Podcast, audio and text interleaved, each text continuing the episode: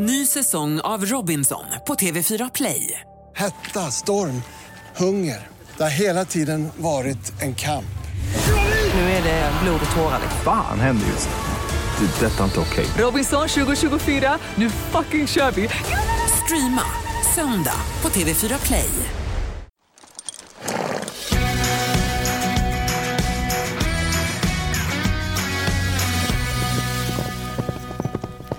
Välkommen till ridklubben. Hej, Rebecka. Hej, Gry. Jag vet aldrig vad jag ska säga när vi börjar podden. Det, Vad fint. det känns som att man börjar ett radioprogram, fast inte ett radioprogram. Ju. Så kul. Vi har gjort det här jätte, jättemånga gånger faktiskt. Vi sitter i kafeterian i vårt stall där vi har våra hästar och det är lite rumligt ljud kanske. Och Det kommer det vara sen i vår intervju också som du ska få höra idag när vi träffar Kyra. Ja, alltså vi vill ju verkligen, verkligen träffa henne. Så att vi haffade henne i hotellobbyn. I- Det var Jönköping Horse Show. Hon skulle ha klinik med Peder Fredriksson.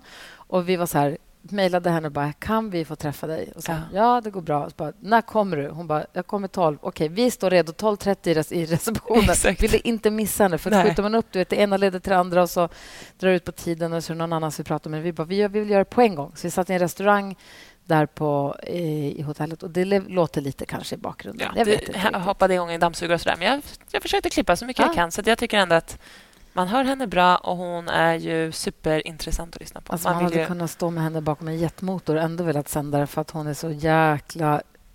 Vet du, vad hade du för bild av henne innan du... Alltså Kyra är ju alltså, är det någon som behöver man ens förklara? Tiofaldig finsk mästare i dressyr, vunnit massa OS, rider massa OS och är ju liksom doktor i... Hon är professor i hästkonst. ja, alltså hon är ju mästarnas mästare. Ja, ridkonst. Hon är helt otrolig. Verkligen. Ja. Nej, men jag hade nog... Hon, jag var lite... Inte, jo, men lite nervös, för hon känns sträng. Ja, Alltså, man jag, trodde det. Ja, jag har uppfattningen av henne när man har lyssnat på henne och läst om henne. Alltså hon känns sträng och så otroligt strikt, och så här, lite, inte principfast, men står vid sina åsikter och starka åsikter. Liksom. Mm. Så jag var lite så här, oh, hur, hur kommer man våga... Konservativ. Ja, hur Tänker jag. kommer man våga, hur, våga ställa frågor? Eller kommer Ja. jag känna mig dum? Eller du vet. Men hur tyckte du att hon var? Då? Men alltså toppen! Hon var ju urmysig. Det var de här blåa, pliriga ögonen. Det såg Ja. ut som hon hade en liten räv. Alltså hon kändes snäll. Gud, Hon ja. kändes jättesnäll och vad heter, inkännande och glad och nyfiken. Och Det var något plirigt, lite Ja. busigt över henne hela tiden. Verkligen. Som var, överraskade mig. Som var, gud, vad taskigt att säga egentligen att man hade förväntat sig. Men jag var också lite så här... Nu och måste hon man är stå också rak i så ryggen. och- otroligt eh, bra på det hon gör. Så jag tror också Ja. man har stor respekt för henne och det ska man ju ha och det Ja, har jag ju ja. fortfarande. Men hon känns ju lite sträng och det var nog därför man blir lite så här... Du vet, då börjar jag tänka om jag kanske ställer dumma frågor och sånt. Du vet. Så är det för mig varje gång. Men det kändes absolut inte som att det fanns några dumma frågor. Och Nej. hon eh, är fortfarande otroligt bra på det Ja. hon gör. Men det känns också som att hon gärna delar med sig och det är härligt. Mm, verkligen. Eh, och innan vi, drar, innan vi spelar upp hur det lät vad hon svarade på våra dumma och inte dumma frågor Ja. eh, ska ni få höra alldeles strax. Först vill jag bara kolla. Vi, vi kan ju berätta mer om hur det var i Jönköping. Vi var där och tävlade och Nicky tävlade med sin ponny Milan som skötte sig exemplariskt. Men det var så härligt. Ja. Eh, de rev sista hindret i omhoppningen dag ett och sen fick de ett retligt stopp och en rivning andra dagen. Så det var lite så störigt. Det var inte succé, men det var också... Han var så fin och snäll och cool. ja, bara så och, in en så stor arena Ja. med alla proffs. Liksom. Det, det är mycket man ska lära sig på den Ja. korta resan. Men det Det var mycket vi fick lära oss under hela den där veckan i Jönköping också. Jag Ja. älskar Jönköping Horse Show. Jag tycker det är kul där. Jag tyckte de gjorde ett jättebra jobb, båda två. faktiskt. Alltså, verkligen. Men, eh, och vi träffade en massa andra ryttare som vi kan berätta om lite senare. Eh, Så, men det jag skulle säga var att här hemma sen, igår faktiskt, så var ju veterinären här. Ja, precis. Tandläkare Tove. Tove, som jag har Exakt. poddat med. Precis. Tove Särkinen. Det finns ett avsnitt med henne om tänder, men hon var här. Exakt. Jag gjorde tandcheck på Salsa och Bravina. Jag brukar göra årlig oftast. Och så gjorde jag på Kalessi, för henne har vi inte gjort sedan hon var jätteliten eftersom att hon har gått med föl och så. Eh, och hon hade två vargtänder, då visade det sig. Och vad är det? Det är, liksom, det är som extra tänder som sitter bak, framför kindtänderna.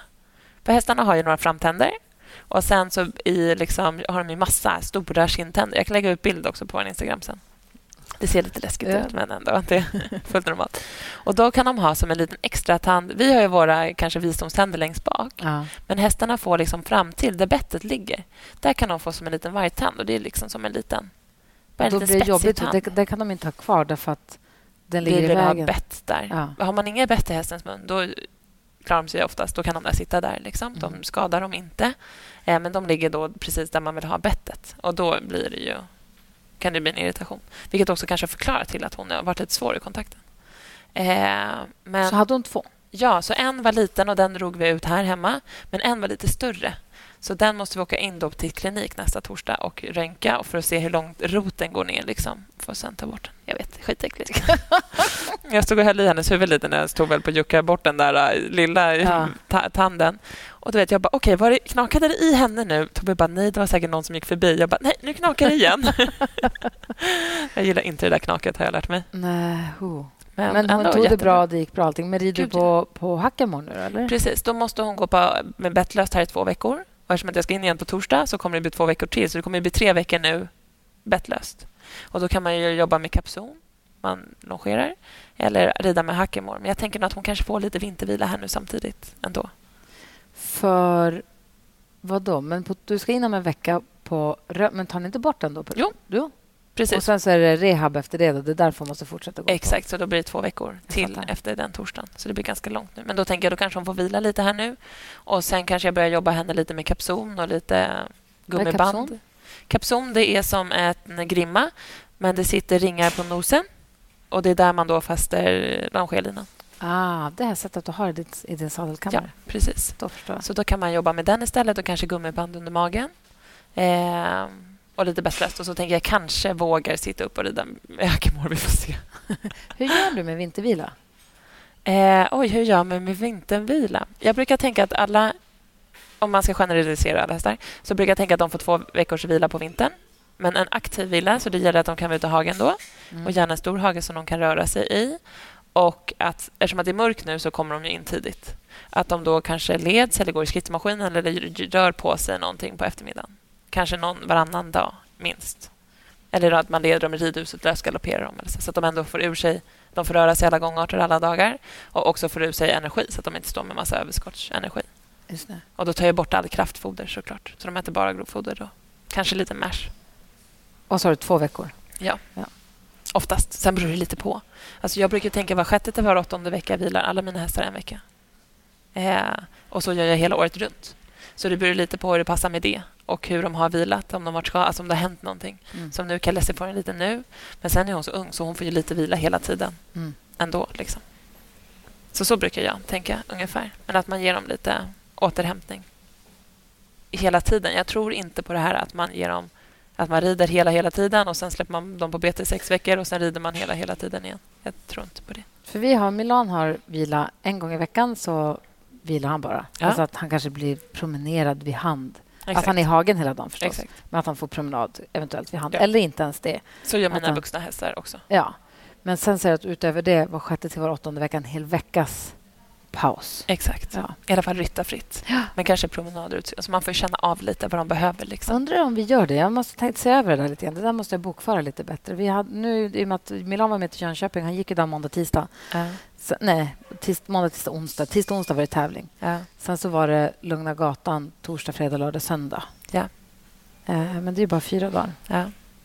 Sen är det lite olika. Vissa äldre hästar mår inte alls bra av att vila länge. Nej. Men jag brukar tänka ryttarfritt. Alltså Ja. det att man inte sitter på dem och att man kanske inte kräver saker av dem. Utan Nej. att man kanske är ute och går i skogen bara och gör lösgalopperar med ridhuset. Något som de tycker är lustfyllt. Liksom. För vi hade tänkt åka och tävla egentligen nu på söndag som en sista inför lite längre vintervila från tävling. Och, Ja.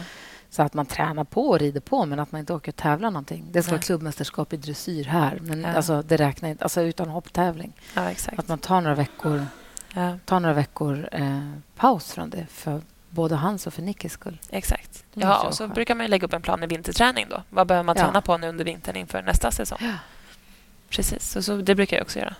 Och Då får man ju välja lite när det passar bäst att ha vintervila. Om det är nu tidigt och sen lägga upp en träningsplan eller om det är över jul och nyår. Jag för tänkte kanske jul och nyår. ledig. eller hur man, det är lite olika Ja. beroende på vad som... Ja. Man måste ju också... Det måste ju passa en själv. Alltså, hästarna dör ju oftast inte. Nicky hittade någon tävling och sa men vi kan åka på den här tävlingen. Hon bara, det är vecka 52. Jag vet inte när det var. Nej. Så jag bara, det vet du hur kallt det kommer vara? Ja. Vi gjorde det där förra året. Vi lärde väl oss att vi gör inte så längre. Nej, Ja, ja. så är det. Jo, Vi har ju ett samarbete med Jackson Ja, vars produkter vi älskar. Jag har den här nya, vi fick en mössa från Jackson här. jag Som jag älskar den. älskar. Jag, Jag hatar mössor annars, Ja. för att jag får ont i öronen. Jag tycker Ja. de klämmer. Liksom. Men den där är toppen, för den sitter inte åt. Nej, den är Den jättehärlig. liksom, nej, den är, jag älskar den. Också nu när det är så höstigt och det, nu vart det konstigt varmt mitt alltihopa. Ja, Hej Bosse. Så att nu är det perfekt att gå med bara tröja med mössa. Så skönt. exakt. Faktiskt. Men det var inte mössa jag skulle prata om utan det var den här gröna Mary-kappan som bara finns online som vi har haft en tävling om på vårt Instagramkonto, Ridklubben-podden. Ja, många är så tävlat? många som ville vara med och tävla. Det var jätte, jätteroligt. Ja. Ska vi säga vem som är vinnaren? ja. Eh, jag ska se om jag hittar hennes riktiga namn här. Eh, nu ska vi se här. Jag har fått en trästicka i handen. Nej. En trästick också, inte en... en eh, vad heter det? Hösticka. Nej, det är en liten trästicka. Den är jättestörre. Här, nu har jag hittat namnet. Okej. Hon som vinner den här kappan då. Hon har ju skrivit så här. Jag, jag, skulle, jag har verkligen lottat. Det var jättemånga som hörde av sig. Du drog en scroll och så bara stopp. Exakt. Och då hamnade den på Folin Toresson heter hon på Instagram. Men hennes riktiga namn är Jenny Folin Toresson. Och hon skrev Jag taggar mig själv, ponnymorsa som aldrig köper något till sig själv. Hon skrattar, hon apsmiley. Så det kanske passar jättebra att hon ska slippa frysa i vinter och Ja. ha en jättefin och skön jacka från Jackson. ja, grattis Jenny. Grattis, Jenny. Grattis! Och grattis alla ni som lyssnar på den här podden att eh, ni ska få hänga med Kyra Superstar här Verkligen. som vi fick göra i Jönköping. Ny säsong av Robinson på TV4 Play. Hetta, storm, hunger. Det har hela tiden varit en kamp. Nu är det blod och tårar. liksom. Fan händer just nu. Det. är Detta är inte okej. Robinson 2024, nu fucking kör vi! Streama söndag på TV4 Play. Ett poddtips från Podplay. I fallen jag aldrig glömmer djupdyker Hasse Aro i arbetet bakom några av Sveriges mest uppseendeväckande brottsutredningar. Går vi in med hemlig telefonavlyssning och, och då upplever vi att vi får en total förändring av hans beteende. Vad är det som händer nu? Vem är det som läcker? Och så säger han att jag är kriminell, jag har varit kriminell i hela mitt liv men att mörda ett barn, där går min gräns. Nya säsongen av Fallen jag aldrig glömmer på Podplay. Då har vi slagit oss ner i hörnet på en restaurang på Hotell Vox i Jönköping med eh, International Superstar Kyra Kyrklund. Hej, välkommen till ridklubben. Tack så mycket. Tänk vad härligt att du vill komma och sitta och prata med oss. Det känns fantastiskt för oss. Verkligen en ynnest. Och här i Jönköping Horse Show, du ska ha klinik ihop med Peder Fredriksson. Ja, imorgon på morgonen så har vi tre hästar som går en halvtimme var. Och uh, en av dem är Peder. Jag vet inte med vilken häst, men det får vi väl se. Och hur lägger du upp det? Vad är planen? Vad ska ni göra?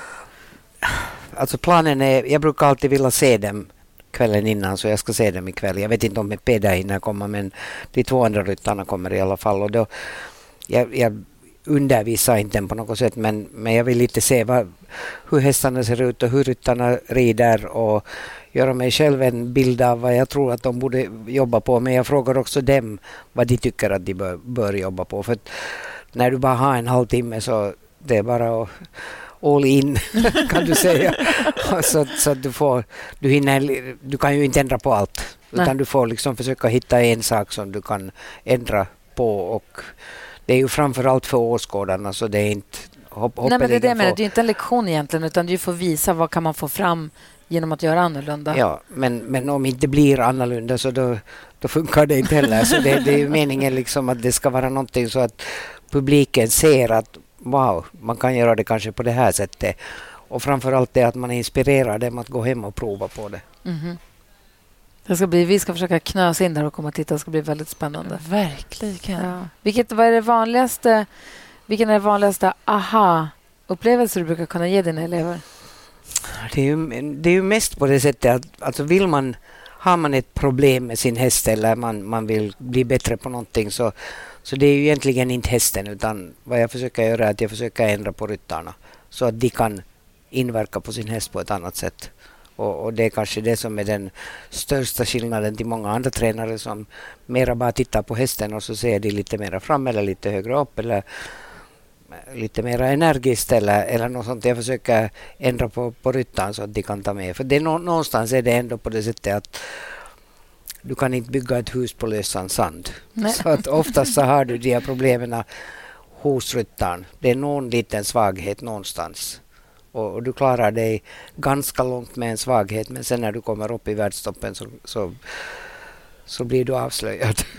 ja, där känns det som att det är så små marginaler också. Så där kan man inte ha någon liten nej, lösbit nej, någonstans. Nej. Vilken är största hemläxa du har fått göra när du har kommit upp? När du började tävla när du var 16 då? På liksom internationell nivå på det, på det sättet. Eh, vilken är den största liksom hemläxa du fick ta med dig hem när du började tävla i toppen?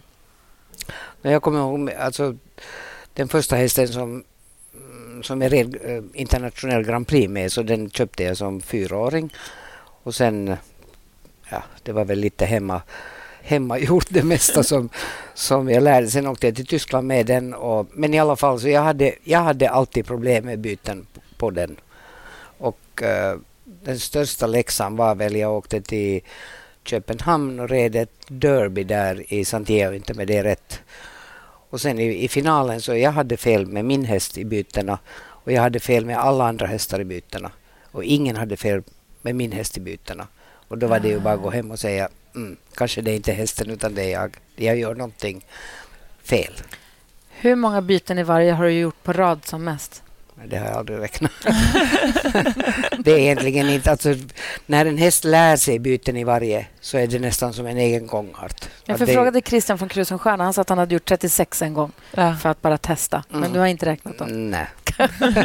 och kanske också därför att jag har ofta haft, haft bara ett litet ridhus. Det här, I så fall får du göra det på volter. Men... Fram och tillbaka. Ja, vi, jag ska slänga in en lyssnarfråga här direkt. Jag tror att det är någon Evelina som har lyssnat eller läst en artikel om dig. Förklara gärna tunnan med hål som man ska täppa till. Vill du utveckla det? det är egentligen alltså... Jag menar på att om, om man har en tunna med, med vatten i och sen... Eh, och så så blir det ett hål någonstans och man sätter sitt finger i det där hålet för att stoppa vattnet från att rinna ut. Och sen blir det ett hål någon annanstans och sen sätter du ett annat finger där och sen blir det hål kanske på ett tredje ställe och så sätter du foten mot det för att hindra vattnet. Och till slut så är du liksom så upptagen av att täppa till alla de här hålen att du, in, du ser liksom inte tunnan som, som den är. Och det är lite samma sak med hästar. att du är, du är van vid att den är kanske lite starkare på höger sida och sen kanske den blir lite lat och sen kanske näsan går lite bakom lolplan och istället liksom för att säga hej, jag måste liksom tunnan måste vara hel för att jag ska kunna rida. Jag kan inte sitta och hålla igen på alla olika ställen utan jag måste kunna renodla mina hjälper istället för att måste göra någonting med handen bara för att ens överleva. Eh, programmet eller, eller träningen eller jag måste göra något speciellt med ett ben eller med vikten eller med något annat. Så, så ibland får man bara renodla alltsammans, gå tillbaka, låta vattnet rinna ut täppa till hålen och sen Jag känner att det, för mig på min nivå, jag som inte som haft långt uppehåll och rider så sällan, för mig blir de här hålen, bara för jag, när jag rider, du, du vet, jag skärper till handen och då tappar jag skänken. Just det, så måste jag skärpa till skänken. Då tappar jag sitsen. Skärper till sitsen. Då har jag tappat handen. Så får man börja så att det är ja. ja samma. men det där, det där har ju att göra med automatisering. Ja. På vilket sätt? Rider alltså, för sällan. Ja, men, men alltså när du gör tillräckligt många gånger en sak så, så automatiserar du det i hjärnan så du behöver inte mer tänka på det. Mm. Och ska du då förändra någonting så kan du bara förändra en sak åt gången. Och därför blir det på det sättet. Alltså vad jag verkligen försöker göra är att jag hittar det, det mest graverande problemet och koncentrerar mig på att förbättra det istället för att titta på ryttaren och säga okej, okay, det är det där och det där och det där och det där problemet. Men jag kan inte rätta till alla fyra problem liksom under samma lektion eller, eller ens under samma månad. Mm. Utan du, du måste ta en sak åt gången och det är därför det är så viktigt att du har, som jag brukar kalla det, ett felöga som tränare. Så att du liksom, du ser vad, vad är grundfelet och vad är bara uh, ett resultat av det här grundfelet. Mm. Om, du, om du bara koncentrerar dig på de här liksom, resultaten av det här grundfelet så får du hålla på hur länge som helst. Man, man räknar med att i gymnastik så får du göra 100 000 upprepningar för att göra någonting automatiskt.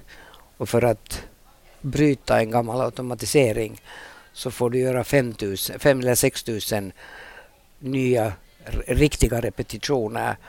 Och sen för att automatisera det så måste du göra en annan 100 000 upprepningar.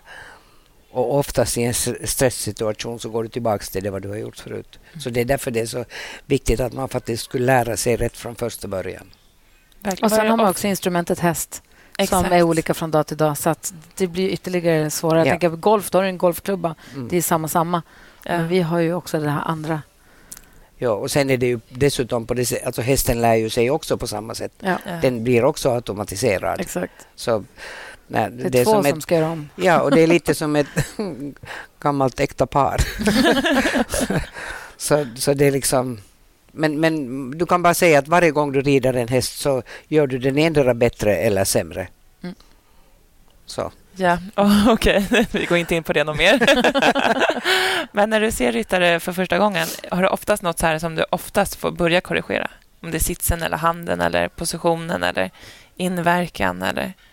Alltså, oftast är det, det är liksom balansen. Alltså, någonstans så måste du ha en balans i din kropp på det sättet att du kan använda vikten. Jag, jag tycker att många ryttare, liksom, eller så blir de kanske instru instruerade att använda mera säte eller sitt till eller något sånt. Men det betyder egentligen ingenting. För, för de, jag, jag, vet inte vad, vad de här tränarna vill när de säger att använda mera sits. Nej.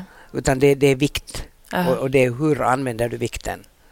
Och sen för mig är vikten absolut den allra viktigaste för den inverkar du med hela tiden när du sitter på hästen.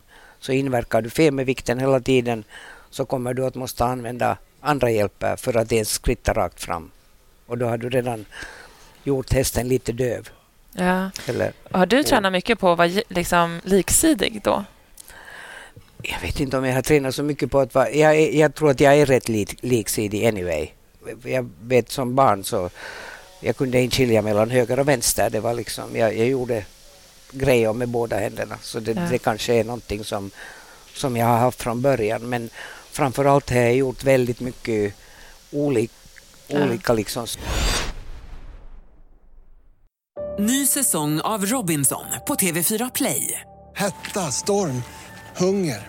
Det har hela tiden varit en kamp. Nu är det blod och tårar. Vad fan händer just nu? Det. detta är inte okej. Okay. Robinson 2024, nu fucking kör vi! Streama, söndag, på TV4 Play. Ett poddtips från Podplay. I podden Något Kaiko garanterar östgötarna Brutti och jag, Davva, dig en stor dos skratt. Där följer jag pladask för köttätandet igen. Man är lite som en jävla vampyr. Man har fått lite blodsmak och då måste man ha mer. Udda spaningar, fängslande anekdoter och en och annan arg rant. Jag måste ha mitt kaffe på morgonen för annars är jag ingen trevlig människa. Då är du ingen trevlig människa, punkt. Något Kaiko, hör du på Podplay. Därför är gardinerna. Jag är nyfiken på dig som person. Hur är du som person? För jag går in och kollar på Instagram. Det känns som att du är en livsnjutare. ja, men det, jag kan väl säga att det har jag inte varit från början. Det är något som jag har lärt mig. Kanske också mest genom Richard, min man. För han kan sätta sig ner på en sten i skogen och bara titta på omgivningen. Jag har alltid varit väldigt driven kan du säga. Med, det, det, var liksom, jag var passionerad, eller är passionerad med hästar och det var bara det som betydde någonting. Så jag, Inte höjde blicken utanför? Nej. nej. Det, det, var mest liksom på motorvägen och till tävlingsplatsen och tävla och sen hem tillbaka och rida och träna. Ja, för nu man ser att du tittar på fåglar som flyger söderut mm. och det är någon blomma här och mm. några mm. rådjur där och det mm. känns som att du går runt och myser där på engelska ja, men det landsbygden. Jag, det gör jag också nu. Men, men det det är kanske någonting som jag har lärt mig också sen jag flyttade till England. För naturen är vacker där och ja. det är fint väder. Och Hur länge har du bott där? Över 20 år. Ja. Så, så det... Min mamma var alltid väldigt trädgårdsintresserad och jag tyckte inte om det. För vi hade inte rinnande vatten på vår sommarstuga så jag fick bära vatten från från brunnen till hennes blommor. så jag tyckte inte att det var så roligt. Var hade ni sommarstället någonstans? Uh, det är 100 kilometer utanför Helsingfors. Ja, hur, mycket hur mycket tid spenderade du där som liten? Ganska mycket faktiskt, därför att jag hade vi hade en familjebekant som var allmänpraktiserande veterinär. Mm. Så han brukar plocka upp mig på morgonen. Sen åkte jag med honom hela dagen och höll i flaskor och drog ut kalvar. Och, och liksom med, med, jag har alltid varit galen i djur. Och var det där dina veterinärdrömmar började? Säkert till en del, Ja. ja. Och sen eh, ungefär 20 kilometer där från vår sommarstuga så bodde min gummor och hon hade en rätt stor gård med, med djur. Med Så- arbetshästar? Med arbetshästar. Så att jag var, jag brukar cykla dit 20 kilometer och sen var jag där hela dagen och, med kossor och grisar och hönor och, och arbetshästar. Och det var där du började rida? Då? Ja. Det låter så otroligt idylliskt. Ja, det låter härligt verkligen. ju. verkligen. Rider du fortfarande? Nej, Nej. nej, jag har inte ridit på ett par år. Jag har, eller det är på grund av fysiska men. Det vill säga jag har haft ett par gånger cancer. Och, och nu känns det liksom att jag kan inte göra det på den nivån jag vill göra det. Och, och då blir du bara irriterad på dig själv och på hästen och på Richard och på omgivningen. Så jag, gör, jag jobbar ganska mycket för hand och Ja, undervisar och tömkör och, och sånt här. Så det, jag har liksom... Man har haft cancer fler än en gång? Ja. Jaha, när senast? Mm, det, det är kanske fyra år sedan. Ja, okej. Och hur förändrar det ditt sätt att se på livet? Eller på... Nej, ska- alltså, För även om det tur- går bra, det finns jättebra medicin, så det, det är ju ändå... Ja, som tur var det två olika cancer. Om det nu kan vara tur att man har Ja. cancer. Men, så det var inte en, en liksom... eh, alltså, vad heter det? Eh, För först var det bröstcancer. ja. Ja. Och sen var det lungcancer. Ja. Så jag opererade en del av lungan borta. Och, och båda gångerna med, med sån här uh, kemo, Ja, alltså cellgift. Ja. Ja. Så, men, men jag måste säga att första gången var det mycket värre med, med eh, cancerdiagnosen. För på något sätt när, när du första gången hör att du har cancer så tänker du liksom... Ja, det är döden som knackar ja, på, ja, tänker man. Jag läste just någonstans som Ja. någon sa att, att det är ungefär det första du tänker Mm. på är okej, hurdan likkista ska jag ha? Ja. Men, men det är ju inte så nu för tiden. Nej, men det är klart att det, är en, Ja. måste vara en chock Ja. att få det beskedet. Och sen också tuff, tuff. Vi har också sett eh, cellgiftsbehandling på nära håll. Det är ju alltså... No joke, kan det Nej, vara. Nej. Men, Men på det sättet, att det funkar. Ja, men på det sättet måste jag säga att jag, var, jag hade tur därför att vi bodde på landet och har gård och Ja. jag kunde liksom säga okej, jag, nu tar jag tid för mig själv. Så om du har fyra ungar du ska ta hand om eller Ja. du bor i en liten våning så, så hade det varit väldigt mycket tuffare och svårare. Så jag kunde verkligen liksom säga okej, nu ger jag den här tiden åt mig själv. Och, och jag tror också att det är viktigt att man inte eller jag tror inte på det här när man säger att jag ska fight the cancer. Att Nej. jag ska strida mot det därför att då, då har du bara en massa negativa hormon och då hinner kroppen aldrig uh, Jag reparera har, också sig lite, själv. jag har lite svårt för när folk säger men han eller hon var stark Ja. och besegrade cancern. Ja, men vad fan säger det om Nej, folk det som inte klarar det? det Jag tycker det är taskigt. Ja, det är läkarna som besegrar tycker cancer, det är inte du. ja. Utan du måste bara... Ja. Alltså om du bara kan hålla dig lugn och du tror på dina läkare så, så, kan, så har du positiva hormon Mm. i kroppen och de kan liksom reparera kroppen. Annars är det bara fight and flight. Mm. Och, det- och det reparerar aldrig. Alltså, Men nu är du friskförklarad Ja, och nu mår du bra. Gud vad härligt. Det är ju fantastiskt. Du pratade ju om det här eh, med tränarögat. Mm. Tror du att alla kan skapa det? Eller är det något man föds med? Eller hur, Jag hur kan man inte- träna på sitt tränaröga? Jag har också lite ridlektioner. Mm. Ehm, och hur, man, hur kan man bli en bättre tränare för någon annan? Alltså det, det är mycket också det att det hjälper inte bara att du tittar på ridning. Utan du måste se ridning. Alltså Ja. du, måste, du måste se vad de gör eller vad de försöker eller titta på unghästar och sen följa med dem. Blir, blir det det vad du trodde att det var eller inte också fast det är inte dina egna hästar. Nej, men precis. Och, och då lär du dig liksom om hästar och byggnad och temperament och kanske härstamningar och, och jag vet inte, jag, jag tror att jag utvecklas hela tiden fortfarande som tränare och därför tycker jag det är roligt att gör, till exempel åka till Strömsholm och Flyinge var jag jobbar med ridlärarna och eleverna där. För någonstans är det här en, du kan inte bara läsa det i en bok utan du, det är praktiskt, du måste se det. Och när jag gör sånt här eller sådana här lecture demos så då kan jag liksom berätta vad jag tittar på. Och sen om folk ser det eller inte, jag hoppas att de ser det. Men, men, om inte annat kanske de lär sig att se det. Ja. Och du ja. att du har utvecklats som tränare, men hur har dressyren utvecklats sen du började Massor. att tävla? Ja. Vilken är den största skillnaden då till idag? Hästmaterialet skulle jag säga. Ja. Alltså när jag började så du tog du köpte en häst eller du började rida en häst och som, som Piccolo, min första som jag red OS med, så jag köpte den som fyraåring och tänkte okej, okay, kan den hoppa så blir det hopphäst och kan den gå dressyr så, eller kan inte den hoppa så får den väl bli dressyrhäst. För på den tiden var jag intresserad av båda Ja, för du tävlade i hoppning också. Ja. Och, uh, och den kunde absolut inte hoppa, så då fick den ju bli dressyrhäst. Men den, den, var alltid lite låg i halsen, det var, det var liksom aldrig så lätt för den.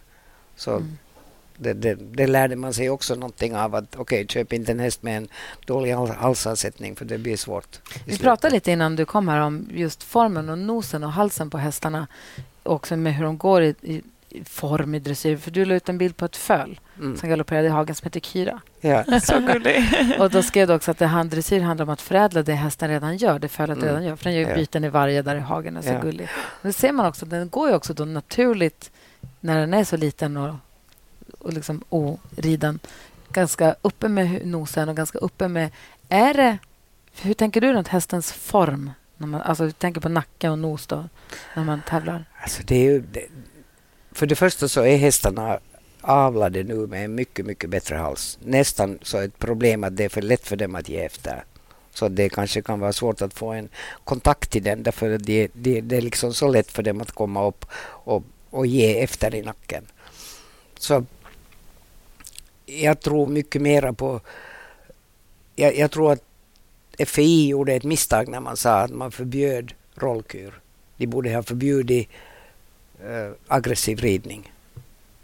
Så det, du, du kan liksom inte mäta om en, om en häst går rätt eller fel bara för att den är en centimeter bakom lodplan. Det, det, är inte det enda. Om du tänker att det är en häst som går ute i hagen eller den, den betar och den ett litet föl mellan frambenen och då är den bakom lodplan. Och om man tänker på sportsmänniskor så om du ska bli höjdhoppare så hoppar du inte bara höjd utan du gör en massa andra träning, alltså du måste träna hela kroppen. Mm. Och det är på samma sätt på dressyren att du kan, det är en väldigt delikat uh, just det här liksom med att, att näsan är lite framför lodplan. Om den är lite för mycket framför lodplan så tappar du ryggen på mm. hästen. Mm. Och det är inte bra. Nej.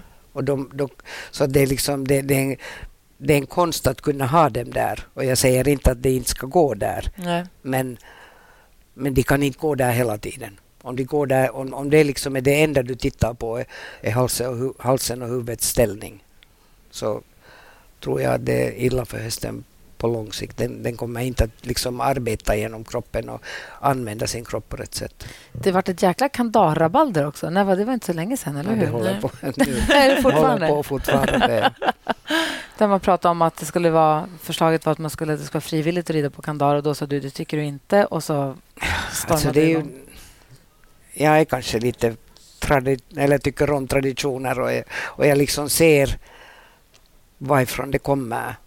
Och jag tror att liksom jag håller helt med om att det finns en del hästar som kanske inte trivs så bra på kandar.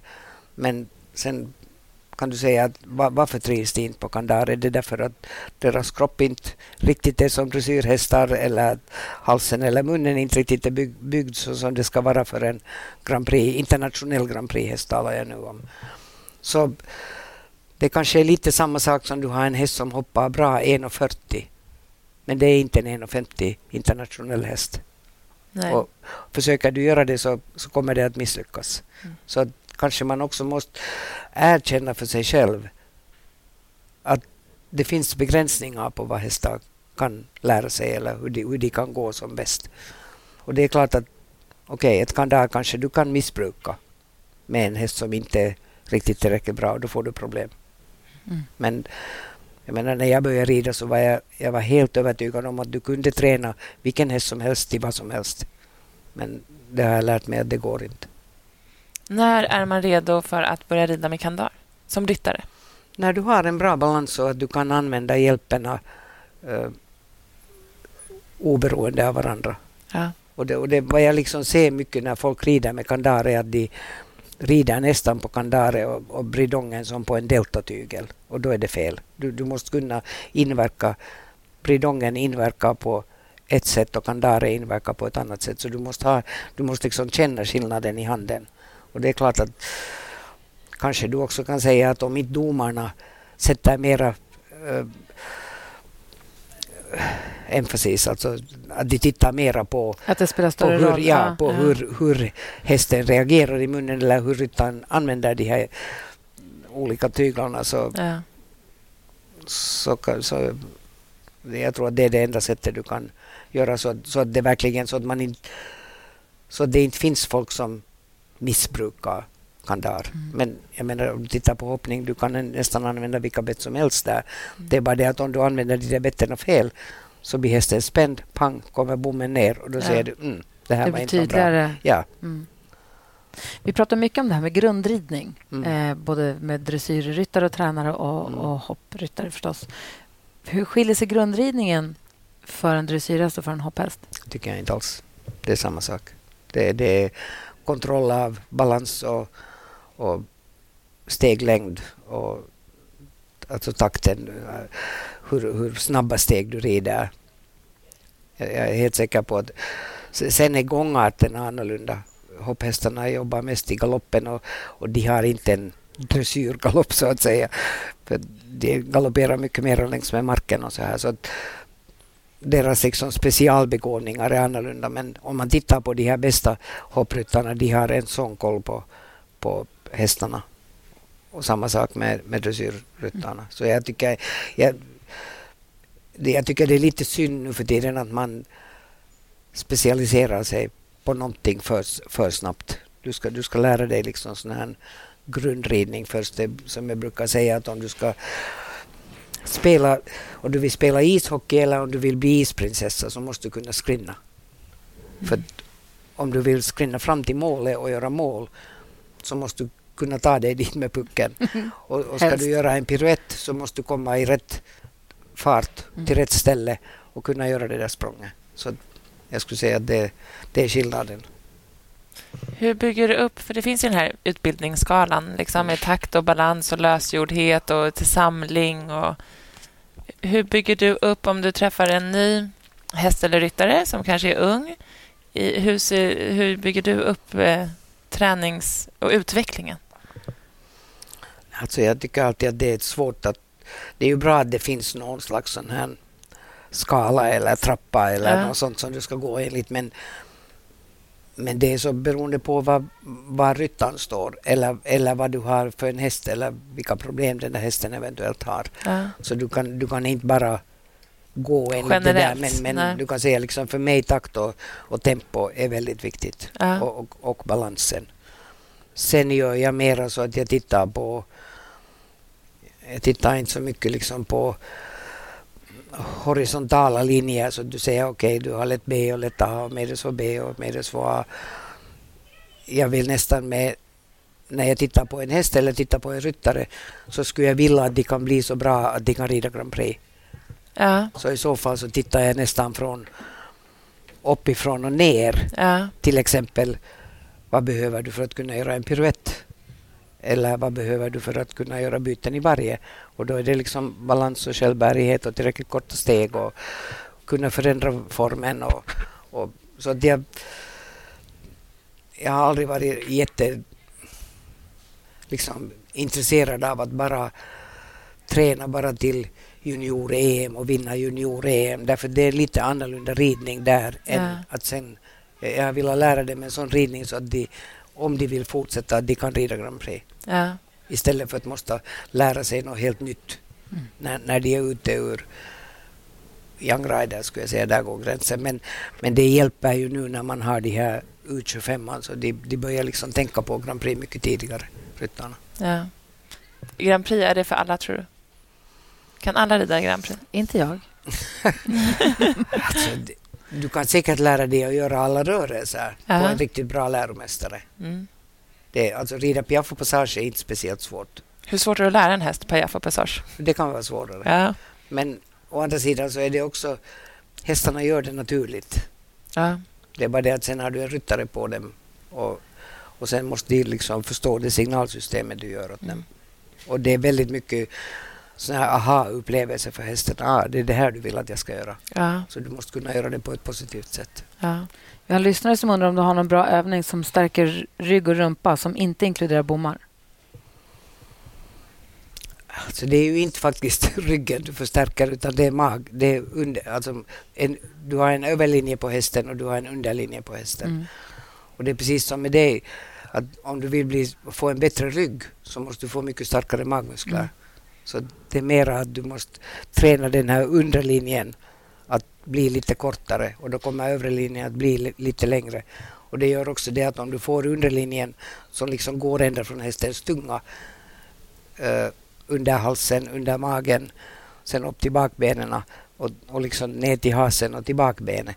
Så om, om du kan få den att bli liksom förkorta sig så då kommer övre linjen att bli längre och då har du också ryggkotorna till exempel när, när de böjer sig, när det lite blir som en välvbro så, så kommer ryggkotorna att vara mycket mer öppna. Så att om du har en häst med lite ryggproblem, det bästa du, du kan göra är att du rider med, liksom med den där bananen åt fel håll, det vill säga med ryggen nere, därför Mm. då kommer ryggkotorna så nära varandra. Ja, så fattar. intressant alltså. Vi brukar fråga våra dressyr... Hoppryttarna brukar vi fråga om man får ställa ut tre hinder, hur de gör det. Du som eh, dressyrryttare och tränare, vilken är den eh, roligaste delen på ridbanan? Ska man vända rätt upp ur ett hörn eller Stora mittvolten. stora mittvolten? Därför någonstans är det alltså, det, det är inte någon skillnad om du rider Grand Prix eller om du rider lätt B. Det, det, det är liksom att kunna förkorta och förlänga steget och kunna behålla energin i det eller, eller göra steget snabbare eller långsammare igen och det kan du inverka på hästens form och, och samlingsgrad. Så att om du inte kan göra det på en lägre nivå så kommer du inte heller att kunna sen då göra piaff och passage var du måste kunna förkorta steget och du måste kunna nästan trava på stället. Ja. Och du måste kunna använda eller för passagen så, så måste steget bli lite kortare för att kunna bli lite högre utan att bli för långsamt. Ja. Så det, det är samma sak. Ja. Om man har en häst som inte riktigt har stöd på bettet, där gärna släpper kontakten, Mm. eh, har du några tips på övningar hur man kan jobba då? För det första måste du titta varför den inte gör det. Om, om det till exempel om, om, om den har något problem i munnen eller om bettet inte passar eller, eller någonting annat. Och sen någonstans för att få stöd så måste du ta ett stöd.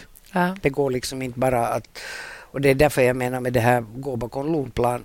Att folk blir sen så rädda att hästen går lite bakom lodplan att de inte ens vågar ta stöd. Nej. Och någonstans för att kunna samla en häst mellan hand och skänkel så måste du, du måste ha tag i båda ändarna.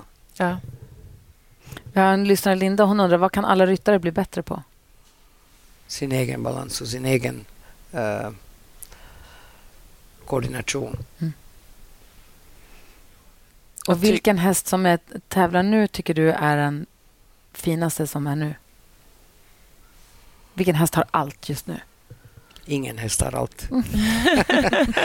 inte ens de som tävlar nu eller som är världsmästare eller någonting. Utan det, du, du liksom har hästar som är väldigt duktiga på någonting och sen kanske de är lite svagare på någonting annat och du måste bara leva med det där som är lite svagare och försöka förbättra det men inte säga att det måste bli en tia. Utan kanske om du kan göra det, det värsta i, i eller det som drar ner dig i dressyrbedömningen är det att du får en fyra, det vill säga att du får ett fel någonstans. Så, så om, du, om du vet att hästen har lite svårt i ska vi säga höga piruetten så, så kan det hända att om du får en sjua för det eller sex och ett halvt så är det egentligen som en tia. För Ja. det är så bra hästen kan göra det Mm. vid det ögonblicket. Vi frågade Christian också, men jag vill fråga dig också. Om man ska rida ett dressyrprogram och tävla, var finns det gratispoäng att hämta?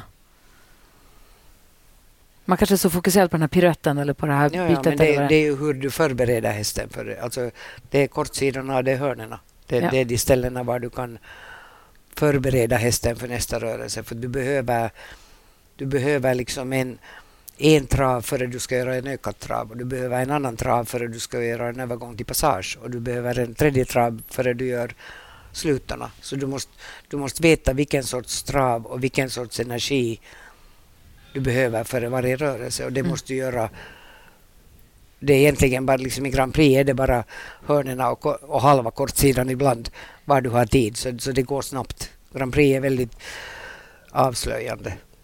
Finns det någon ryttare som du kan titta på och bli inspirerad av nu? Eller vad inspireras du av? Bra ridning. Ja. Och, och liksom nå, någonstans, så det ska ju vara, det ska se ut som att ryttaren inte gör någonting och hästen gör det själv. Ja. Och där måste jag säga att alltså, okej okay, att jag, jag hjälper Katrin Dufour men, men jag, jag tycker att hon, hon är ett, ett väldigt bra exempel på, på balans och med att vara med hästen och hon har inte haft de lättaste hästarna från början, första början utan hon har kunnat det är ju nästan lite som att du är en, en konstnär, du får ett stycke lera som du ska modellera till någonting. Och hon har fått ganska normala ler, lerklumpar från början som hon har kunnat modellera till väldigt vackra mm. konstföremål. Mm. Ja, det, det är fantastiskt att se henne rida. Man blir alldeles... Verkligen. Verkligen. Nej, så intressant. Var, när lärde du någonting nytt senast? Mm, det är inte så... Kanske någon månad sedan. Ja. Kommer du ihåg vad det var? Nej, det var bara alltså med, med hästar som är lite spända i skritten. Och då liksom tränar jag bara på att du bara står stilla och bara liksom kan lägga ner huvudet och, och bli kvar och stå med huvudet utan att du försöker hålla i den eller någonting. För att ofta om du får en dålig skritt så är det därför att hästen försöker springa iväg. Du kan liksom inte rida den framåt. Mm. Så jag har ju alltid vetat att du ska göra det, att hästen ska vara avslappnad och den ska göra så här men, men kanske liksom inte gå, gå så mycket till grunden att du säger nej men om inte det här fungerar så fungerar inte nästa steg. Nej. Så det är väldigt mycket liksom i både när du lär människor eller när du, när du lär hästar eller hundar är att om du, det är liksom en process, du går framåt, du lär dem nya saker, pang så kommer du till ett fullstopp. Mm -hmm. Och då, då kan du liksom inte bara säga ja men come on, du måste göra det här, utan du måste säga okej, okay, det här fungerar inte för att, och sen går du liksom, så backar du tillbaks till det ställe var det fungerar och sen kan du gå framåt igen. Och nu de här dagarna när du är i Sverige nu, ska du ha, är Richard med dig? Eller har Nej, Richard är hemma. Han är hemma och passar, mm. passar hönsen? ja, och hästarna och allt annat. Hur många hästar har ni på gården? Vi har fem egna och sen har vi lite elever som, som för ögonblicket nu står där hemma. Så vi har kanske 15 hästar i allt. Gud, vad härligt. Och så ja. engelska. Jag längtar så. Det är kanske åldern, men jag får längt till engelska landsbygden. Jag vill bara åka runt, åka mellan ja. gårdar och titta. Ja. Så det är, och det är ju liksom, det, det, är nästan så där, så du, liksom, vart du än går där så kan du tänka dig, okej, okay, här filmar de Miss Marple. här borta sker ett mord. Ja, utan, ja, utan liksom att göra någonting. Ja. Det, det, det är liksom inte kulisser, utan det är ja. that's it. Gud, vad härligt. Vad otroligt trevligt att få sitta ner och prata med dig. Verkligen. Tack snälla för att du tog dig tiden och vi ser fram emot att se kliniken imorgon. Verkligen. Mm. Tusen tack. Tack ska du ha. Okej, okay. mm, hej.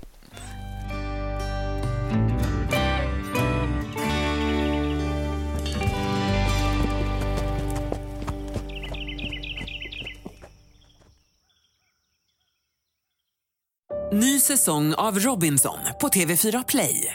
Hetta, storm, hunger. Det har hela tiden varit en kamp. Nu är det blod och tårar. Fan händer just det. det detta är inte okej. Okay. Robinson 2024, nu fucking kör vi.